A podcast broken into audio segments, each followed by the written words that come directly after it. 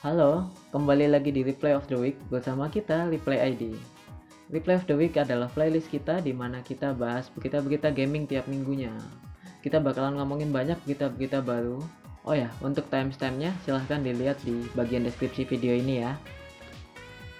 Jadi kali ini kita cuma berdua aja nih karena si Tanto koneksi internetnya lagi lagi memprihatinkan ya lagi terganggu. Iya, kasihan. F for Tanto. Iya. kita kalau Oke, kalau jadi bisa kenapa? ya kita kalau bisa buka donasi juga ya buat tante di kita Oh ya, bisa kita bisa .com slash coin untuk Tanto. Oke, jadi ada aku Ading dan ada Yunus di sini. Halo Yunus. oh, oi oi oi Oke, jadi apa aja sih berita-berita yang lagi hot-hotnya nih kali ini minggu-minggu ini nih. Nah, jadi yang pertama nih nggak lupa kita selalu buka replay of the week dengan eh, freebies freebies ya berita-berita yang tentang Ah. gratis-gratisan. Ini Iya. minggu ini cukup heboh nih. Jadi ada game gratis di Epic Game Store. Itu ada GTA 5 lagi gratis. Ah, ya betul GTA 5 gratis. Ini banyak yang kaget juga emang. Jadi silahkan aja langsung diklaim ke Epic Game Store. Buat akun langsung kalau mau main di download. Oke, Ya, eh, selanjutnya mumpung- ada iya. ada sama sale sama sale juga di Steam. Itu Juni 25 jadi persiapkan dompet kalian. Oke selanjutnya ada berita dari Unreal Engine 5 ini demonya ini ya demo kekuatannya PS5 katanya nih. Iya pas akhirnya dapat tahu juga gimana ya gambaran performa dari PS5 itu. Iya, jadi secara nggak langsung tuh sebenarnya dengan adanya eh, demo ini tuh nunjukin eh, kekuatan PS5 tuh seberapa gitu ya. hmm, iya terus Iya, dan fitur-fiturnya banyak- juga kan banyak. Iya, ah, banyak banyak peningkatan eh, dari Unreal Engine sebelumnya gitu. Dan ada banyak perubahan-perubahan juga. Eh, tentunya ya untuk eh, ngikutin generasi dari konsol yang baru ya PS5 dan Xbox yang baru. hmm, Uh, dan uh, di sini ada ada beberapa uh, fitur key fiturnya. Jadi fitur utama dari Unreal Engine 5 nih. Uh, beberapanya tuh ada yang uh, yang pertama itu ada nanite katanya. Nanite. Nanite. Entah atau gimana pronunciasinya pokoknya jadi intinya tuh adalah uh, nggak pakai polygon biasa. Entah aku juga nggak terlalu paham sih. Tapi katanya tuh pakai micro polygon jadi 3D modelnya tuh pakai micro polygon yang bisa lebih banyak dan lebih mungkin lebih mudah dipakainya. Entah aku kurang tahu. Tapi dan yang menariknya nih katanya eh, katanya Unreal nih katanya si Unreal aset-aset yang high quality yang dipakai di 3D film atau apa itu katanya bisa diimport langsung ke Unreal Engine untuk dipakai ke gamenya gitu jadi menarik sih itu jadi kalau jadi kalau kalau ini kan mungkin kalau misalkan ada port game yang dari film gitu ya mereka udah buat Hmm. 3D modelnya dari uh, filmnya nggak usah ini lagi nggak usah capek-capek bikin lagi mungkin bisa langsung di port dan di tweak dikit aja gitu Hmm. Jadi kayak game apa ya? Bukan pre-render cutscene lagi gitu. Apa bukan pre-render maksudnya kayak kita kan tahu sendiri sih game-game dulu itu kalau cutscene-nya itu selalu bagus daripada jadi gameplay waktu masuk ke gameplaynya itu kan beda banget sih setelah cutscene. oh iya. Hmm. tapi ya tapi mungkin itu tetap tergantung keputusan developernya sih ya nanti mereka Mm, iya mau pasti. ngasih- Nah, ngasih apa cutscene yang real time gitu atau yang pre-render gitu. Itu kan tetap uh, terserah si developernya juga mau gimana. Iya. ya soalnya kan Cuma- banyak uh, banyak ini banyak developer tuh yang pakai cutscene nih cutscene-nya pre-render.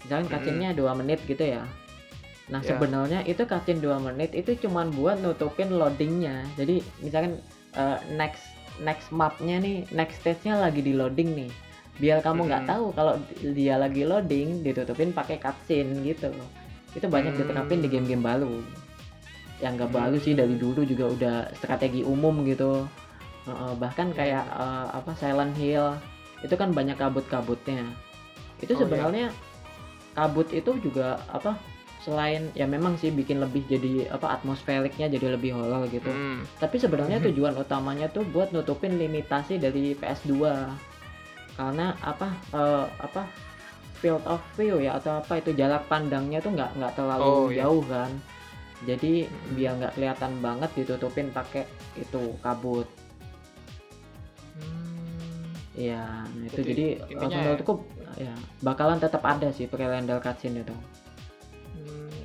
Intinya kan ya Unreal itu cuma ngasih fitur ini aja sih Tet- tetap tapi untuk intinya ya tetap tergantung developernya sih berarti kan Iya, mau mau sebagus apa juga engine-nya kalau nggak dipakai developer ya mau jadi game gimana Iya. juga. terus Oke, ada terus lagi kan ada- fitur Iya, ada ada banyak sebenarnya fiturnya. Yang selanjutnya itu ada Lumen namanya. Jadi itu katanya eh, dynamic global illumination full katanya secara global. Jadi eh, pencahayaannya tuh secara global. Mungkin entah ya, aku nggak paham. Mungkin kayak kayak matahari gitu ya dari atas gitu nelangin semua. Entah sih aku kurang tahu ya. kalau sepahamanku sih ya itu kayak apa ya konsep ray tracing gitu enggak sih Um, mm, enggak beda beda global illumination sama light tracing beda deh harusnya aku juga nggak terlalu paham teknisnya ya tapi beda. Kayak kayak di Nier Automata aja itu pakai global Hmm. illu- illumination tapi nggak pakai light tracing. Hmm, iya. Jadi jadi ada perbedaan di situ Nah, Ya, Pak, mungkin nanti sih gini. Ya kenapa? Ya Pak, sih gini sih apa kayak di eh, mungkin bedanya gini ya kalau re- re- apa ray tracing itu kan real time ya? Iya. Kalau ini kayaknya kan udah disetting sih kayak eh misal posisi matahari itu di mana gitu itu terus apa bayangannya gitu posisinya gimana jadi udah diatur gitu loh itu mungkin Iya. yang membedakan ya sama yang ray tracing itu kayaknya. Um, tapi katanya ini demonya real time. Jadi enggak kayak kan di situ ada scene itu loh yang kayak bawa bola cahaya biru terus dia ngelewatin patung-patung terus ada pantulan di patung-patungnya. Itu kan eh, pencahayaan juga gitu loh maksudnya. Itu fitur real time dia juga. Oh. mungkin mungkin di bawahnya ray tracing enggak enggak se terkalkulasi sebanyak ray tracing itu mungkin. Eh, mungkin Hmm. nanti eh, kalau ada apa eh, penonton yang lebih paham lagi nih yang teknisnya bisa langsung komentar aja di bawah. Kalau kita salah bisa dibenerin terus kasih tahu Hmm. kita yang sebenarnya gimana ini bedanya global illumination, illumination dan ray tracing gitu. Ya ya ya. Hmm, tapi ya intinya eh, harus lebih imersif lah ya biar lebih rea- realistis di gamenya.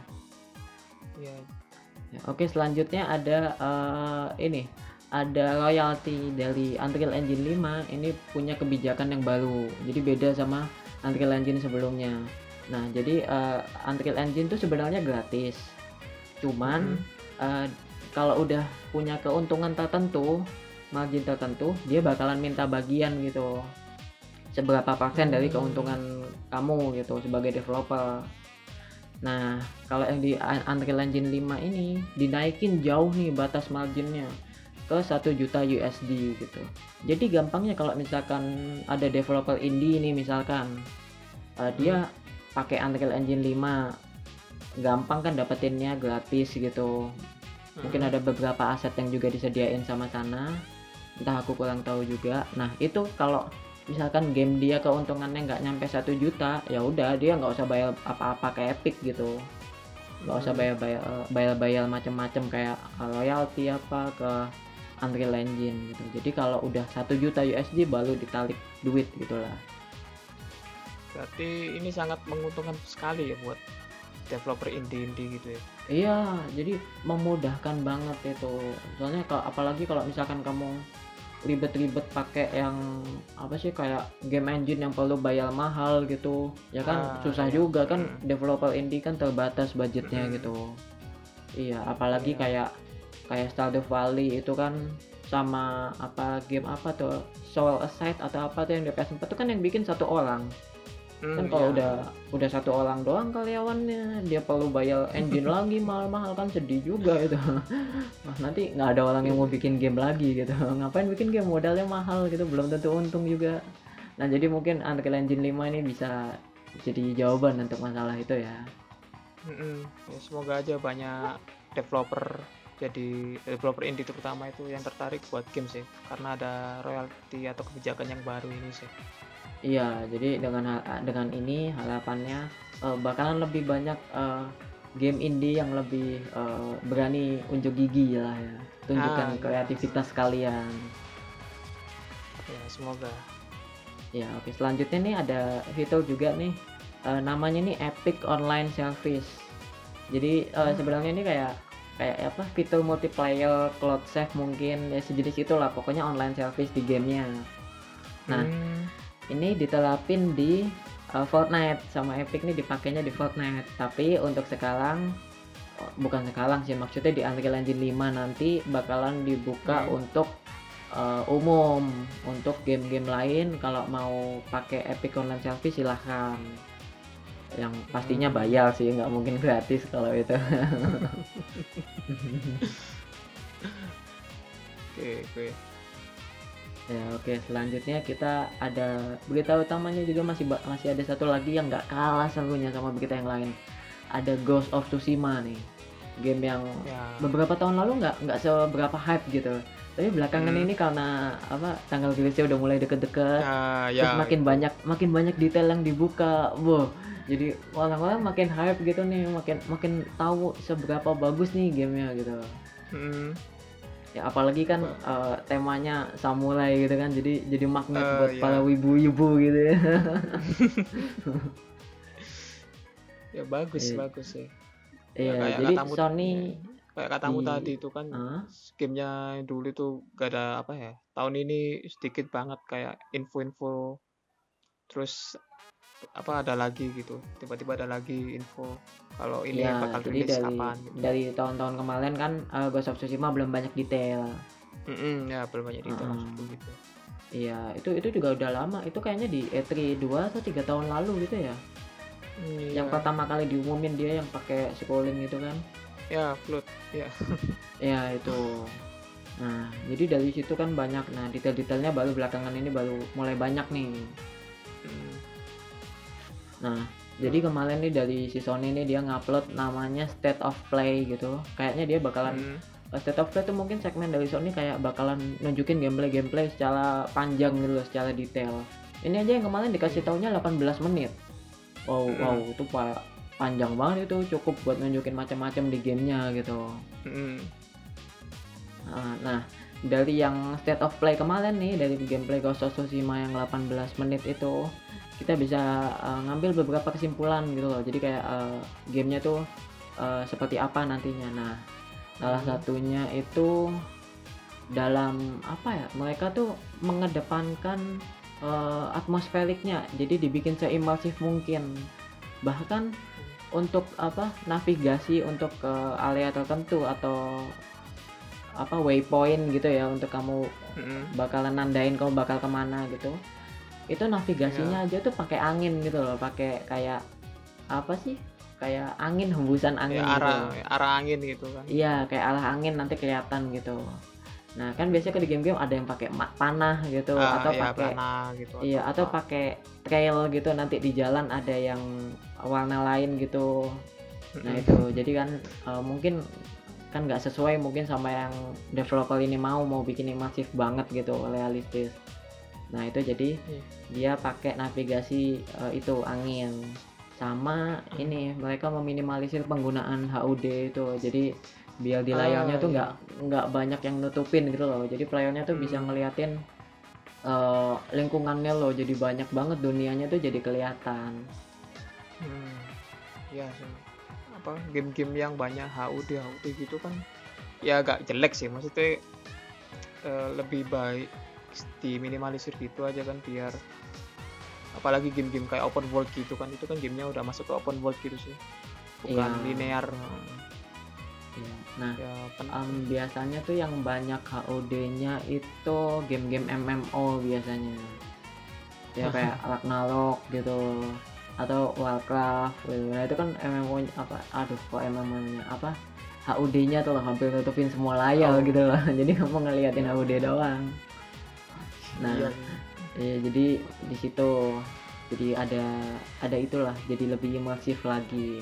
Atau seenggaknya saran nih buat developer lain, kalau kalian ngerasa HUD kalian kebanyakan, seenggaknya kasih option lah buat matiin itu gitu. Ah, ya.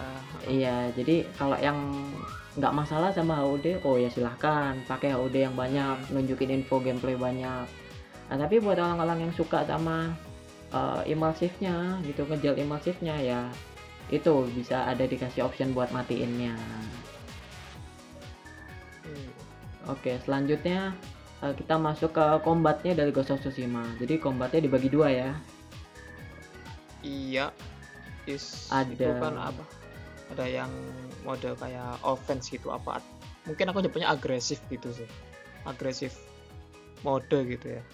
Terus yang satunya lagi tuh kayak mode stealth gitu. Ya, jadi sebutannya eh, yang pertama tuh sebagai samurai dan Samurai sebagai itu. the ghost gitu ya. Mm-mm, the sebagai ghost. hantu gitu jadinya.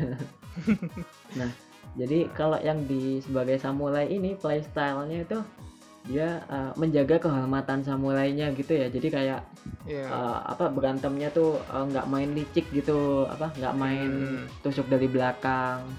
Kalau berantem ya ya gitulah intinya mengutamakan honornya dia gitu.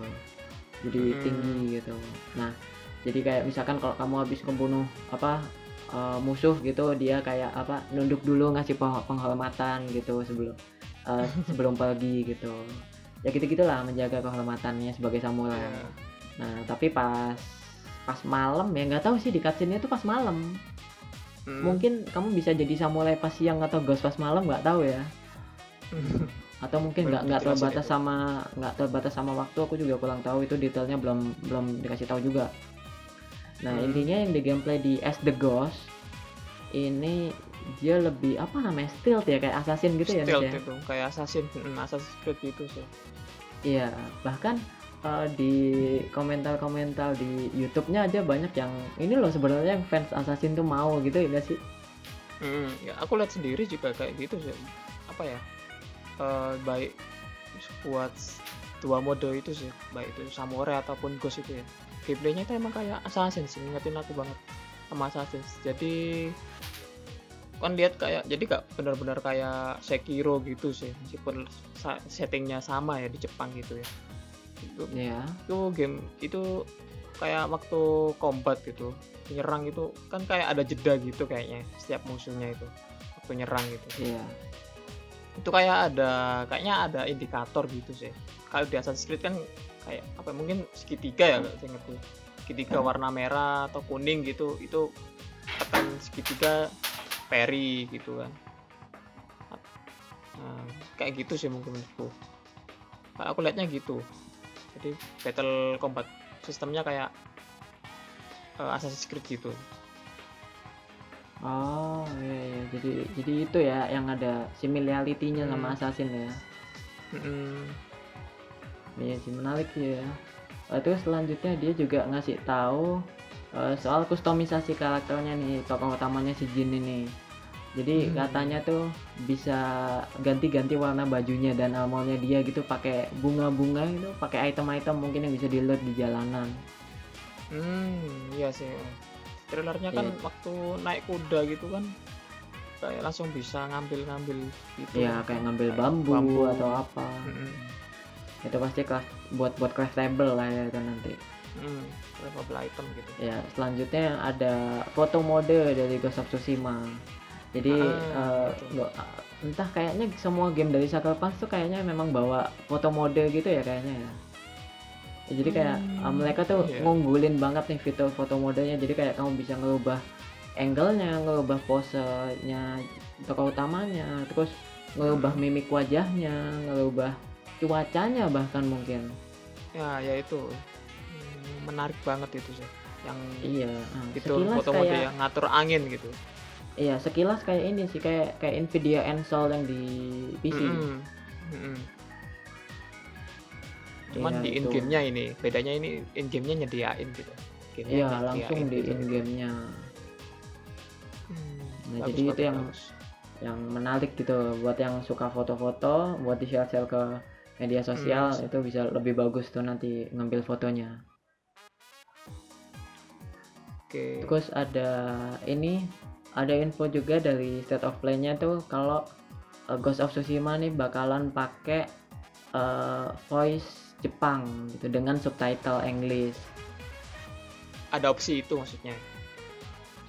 Ang, aku nggak tahu ada ada voice Englishnya atau enggak ya. Tapi yang Oh, ada. dibilangin cuma ada voice Jepang doang sih katanya.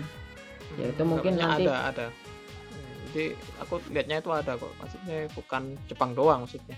Ada pilihannya jadi kayak eh kamu mau pakai main pakai Inggris atau Jepang gitu. Jadi kayak Sekiro gitu loh. Sekiro kan itu nyediain dubnya juga sih dub Inggris atau dub Jepang gitu. Mungkin nanti di awal gamenya mau masuk ke apa, maksudku di new gamenya itu menu new game pasti ada info itu sih mau main pakai bahasa apa dulu gitu kalau di Sekiro kayak gitu jadi belum masuk ke gamenya itu kamu dikasih pilihan mau main pakai dub apa Jepang atau Inggris nanti di Jepangnya itu nanti ada catatan lagi kalau mau yang lebih imersif pakai yang dub Jepang gitu kalau di Sekiro Oh, gitu Ya, tapi kan kita nggak tahu nih sama nggak nih kayak Hmm. Sekiro, ya kan? Ya, Ya. siapa tahu dia mungkin cuma nyediain yang Jepang atau ada yang dub Englishnya juga. Itu nanti eh, bisa ditunggu lah tanggal rilisnya. Mungkin nggak nggak jauh lah ya, Hmm. nggak jauh, udah deket kok. Tanggal Ya. rilisnya itu 17 Kapan ya? Juli. ya 17 17 Juli. Oke, jadi sebentar lagi lah ya. Itu bisa dicicipin. Oke, selanjutnya fitur terakhir dari Ghost of Tsushima tuh ada samurai cinema gitu. Jadi kayak sepanjang game tuh Oh. kayak kamu bisa apa nempelin filter kayak filter foto gitu loh. Jadi tapi jadi kayak filter video gitu. Jadi kayak sepanjang gameplay gitu. Kayak misalkan kamu mau eh, ngasih warna black and white gitu atau ngasih warna yang lebih apa lebih kontrasnya lebih tinggi mungkin nah itu itu na- dinamainnya katanya samurai cinema fiturnya biar biar mirip kayak film-film samurai zaman dulu katanya Iya sih, kayak film-film jadul gitu kan emang hitam putih gitu, nggak Iya. berwarna gitu. Iya jadi ya itu menarik sih ya mungkin kalau yang suka nontonin film-film samurai bisa pakai yang option itu gitu Iya, unik unik unik unik unik. iya kayaknya baru-baru game ini doang yang pakai itu ya Iya sih. Ya, kalau- mungkin kalau ada kalau ada game lain bisa di komentar di bawah ya kasih tahu kita. Oke, ini eh, kita masuk ke segmen flash news kali ini. Mm-mm. Ya, Jadi, jadi segmen flash newsnya silahkan. mm, jadi masuk ke berita pertama gitu ya. Jadi ada mafia lagi nih, game mafia baru. Bukan mafia baru sih. Di Mafia Trilogy itu di remaster. Jadi untuk Oh, breakdownnya, ya, jadi untuk breakdownnya itu kan ada tiga series itu ya. Ya, yang satu, dua, tiga. yang, Heeh.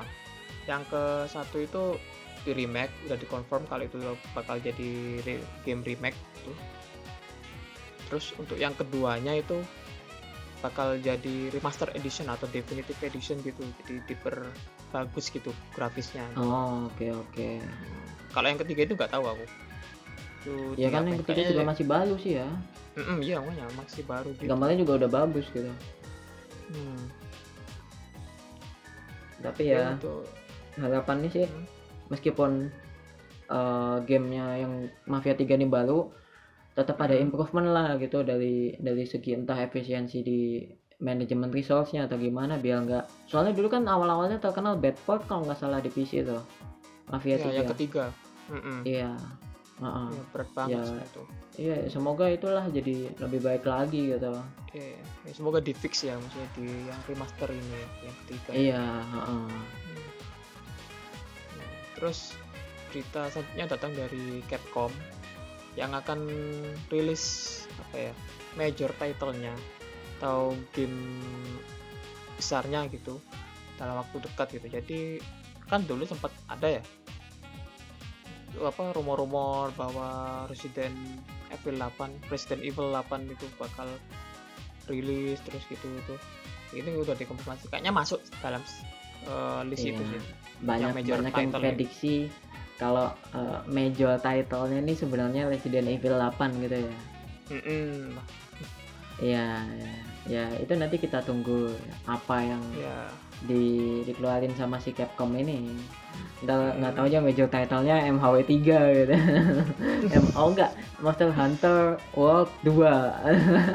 ah Water, Water World lagi itu masih belum selesai itu yang DLC yang terakhir itu Iya, jadi kan kan kita nggak tahu major title-nya tuh apa gitu.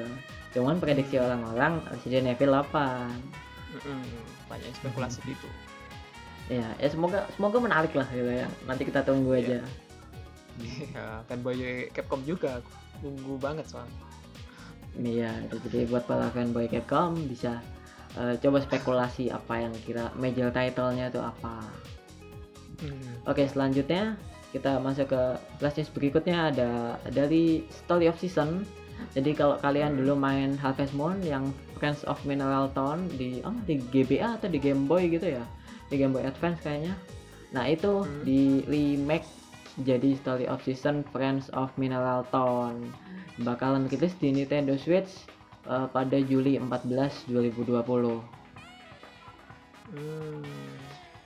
Oke oke terus datang lagi nih dari Nintendo lagi Eh, datang dari Paper Mario The Origami King itu konsepnya gamenya kalau buat yang buat yang nggak tahu ya itu game kayak RPG Super Mario apa ya Super Mario terus stylenya kayak paper gitu tapi RPG atau turn based gitu unik banget pokoknya itu Iya, bakal dari, rilis dari dari Iya, namanya bakal juga rilis. origami gitu. Nah, Origami King gitu. unik banget, unik banget. Terus itu bakal rilis tanggal 17. Jadi bakal saingan itu sama Ghost of Tsushima. itu.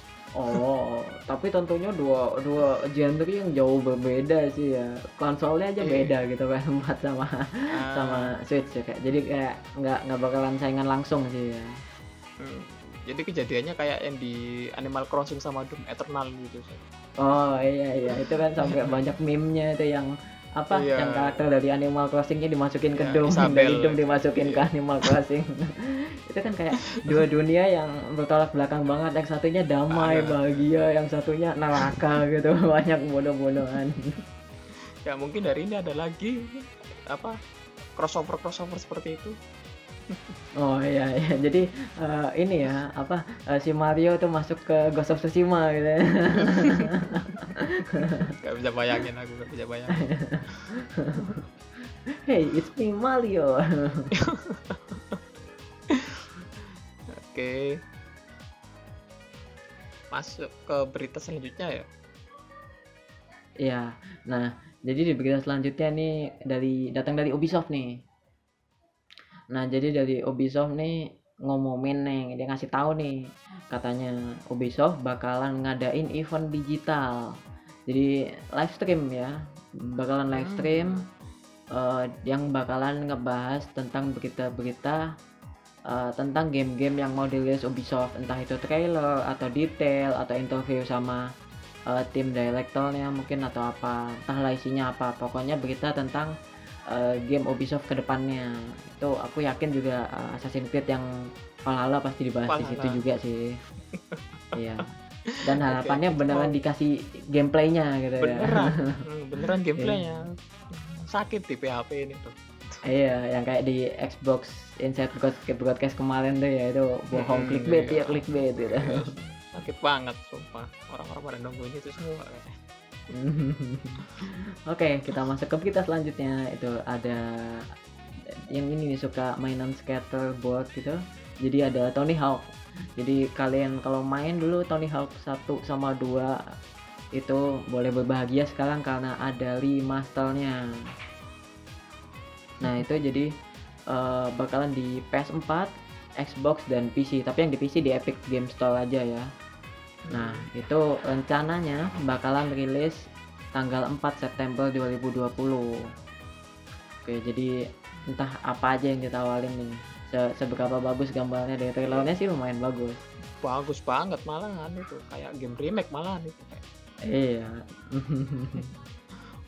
Oke, jadi tetap pindah dari eh, PS1 gitu ya. Lik. eh, iya deh, saya ingatku ya. Soalnya aku dulu pernah main Tony Hawk yang satu mungkin ya atau dua nggak tahu. Pokoknya yang di PS1 gitu. aku dulu mainnya kayak karena masih kecil gitu ya jadi kayak bingung ini tujuannya harus ngapain sih. Jadi aku cuma muter-muter aja di situ mainan skate-nya aja. Nggak ada tujuannya. Oke oke. Oke jadi uh, selanjutnya berita terakhir di flash news kali ini ada dari Ubisoft juga masih dari Ubisoft. Jadi jadi kayaknya Ubisoft ini punya banyak banyak bertingkah ya minggu ini gitu ya. Iya. Dia sampai sampai masuk diberitakan. gitu. Eh, iya sampai sampai masuk dua kali nih dua tema di sini. Eh, jadi yang tadi event digital itu sama sekarang nih. Nah kalau yang sekarang nih eh, Ubisoft tuh nuntut Google sama Apple. Wih kayak apa sih raksasa perusahaan raksasa gitu. Ngapain dituntut nih? Jadi katanya nih katanya Ubisoft tuh kesel sama Google sama Apple. Jadi akhirnya nuntut karena mereka ngejual game yang area F2 namanya area F2 nah itu Hmm. katanya Ubisoft uh, Ubisoft nuduh game itu plagiat Rainbow Six Rainbow Six Siege mereka gitu jadi Hmm. kalau dilihat dari apa uh, gameplaynya emang emang mirip sih gitu jadi nggak heran kalau kalau ini gitu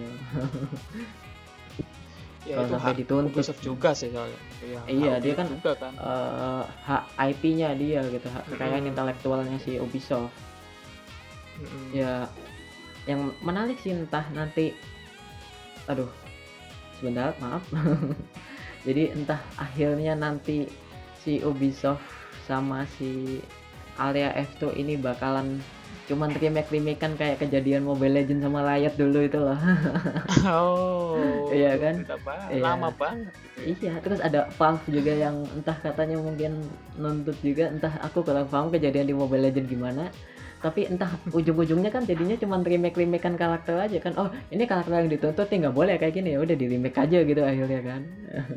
Jadi entah akhirnya area F2 ini bakalan ngikutin kayak gitu remake, mainan remake remakean sama Ubisoft atau enggak gitu. Jadi kita juga nggak tahu gitu akhirnya gimana. Kita tunggu berita selanjutnya ya tentang itu ya. Iya atau jangan-jangan langsung di take down gamenya.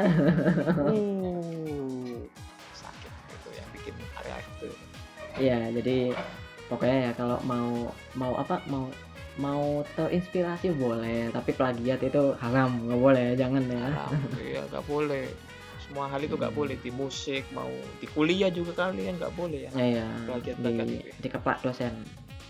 iya do tahu rasa kamu ya di DO dari dari ini dari Play Store nanti di take down game ya. oh hebat Oke, jadi udah segini aja ya kira ya berita-berita iya. dari minggu ini Whiplash Review kali ini. Ya, jadi silahkan eh, ikuti ini ya jangan lupa subscribe dan follow media sosial kita juga buat biar nggak ketinggalan update-update dari kita. Biar tetap up to date sama info-info dari gamingnya juga gitu loh jangan aku gamer kalau nggak subscribe ke replay gitu. Ah itu dia. Begitu begitu. Iya, Segitu jangan lupa di like. support support support. Iya, jangan lupa di like, di share juga, dan kalau bisa komen juga ya biar kita tahu ada tanda-tanda kehidupan di sini. aduh jangan disinggung lagi tentang bot jangan. Iya. Oke, jadi ini ya semua link soal uh, media sosial kita ada di bawah, ada FB, IG, Spotify, bla bla bla bla. Itu bisa dicek di deskripsi, langsung diklik aja dan di like atau di follow. Ya segitu aja ya. Oke, terima kasih sudah mendengarkan uh, podcast yang unfaedah ini sampai akhir. Oke, jadi Oke. kami dari Replay, saya dan Yunus uh, mengundurkan diri dulu. Oke, see ya on the next video. Bye bye.